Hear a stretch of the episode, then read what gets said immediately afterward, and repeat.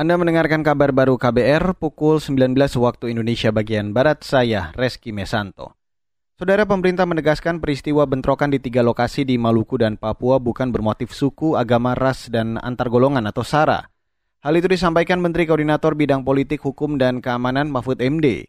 Ia mengklaim situasi di Pulau Haruku, Maluku, Sorong, Papua Barat, dan Kabupaten Puncak di Papua sudah kondusif.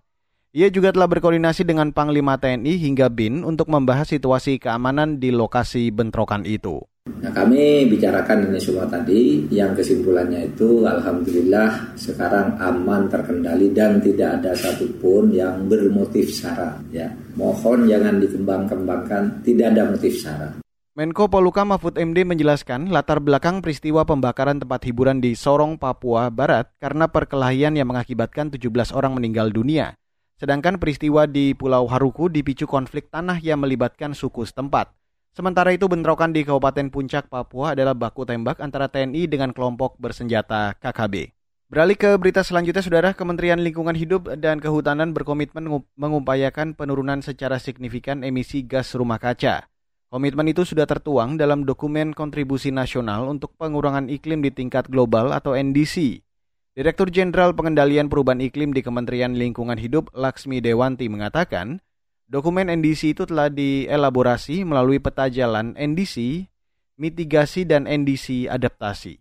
Industri atau sektor IPPU, Industrial Process and Product Use, merupakan salah satu dari lima sektor yang nanti diharapkan bisa menurunkan emisi gas rumah kaca dan bisa memenuhi target-target yang sudah ditetapkan. Direktur Jenderal Pengendalian Perubahan Iklim di Kementerian Lingkungan Hidup dan Kehutanan, Laksmi Dewanti menambahkan, dalam upaya pencapaian target NDC, peran industri hijau sangat signifikan.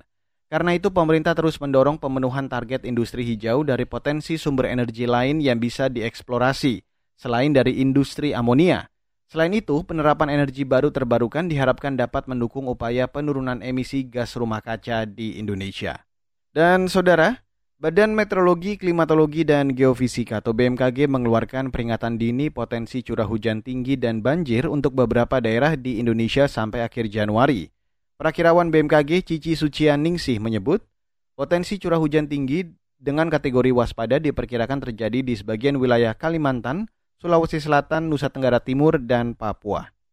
Sobat juga perlu mewaspadai peringatan dini curah hujan tinggi yang terpantau akan terjadi di 10 hari terakhir bulan Januari dengan kategori siaga untuk wilayah Sulawesi Selatan, sebagian Nusa Tenggara Timur, dan Papua. Sementara kategori waspada terjadi untuk wilayah Kalimantan Timur, Kalimantan Utara, Sulawesi Selatan, sebagian Nusa Tenggara Timur, dan Papua. Perakirawan BMKG Cici Sucianingsi menambahkan, potensi banjir dengan kategori tinggi diperkirakan terjadi di Nusa Tenggara Timur. Sementara itu, Kepala Stasiun Meteorologi El Tari Kupang, Agung Sudiono Abadi menghimbau warga mewaspadai potensi angin kencang lebih dari 25 knot yang akan melanda wilayah NTT. Dan saudara, demikian kabar baru saya Reski Mesanto.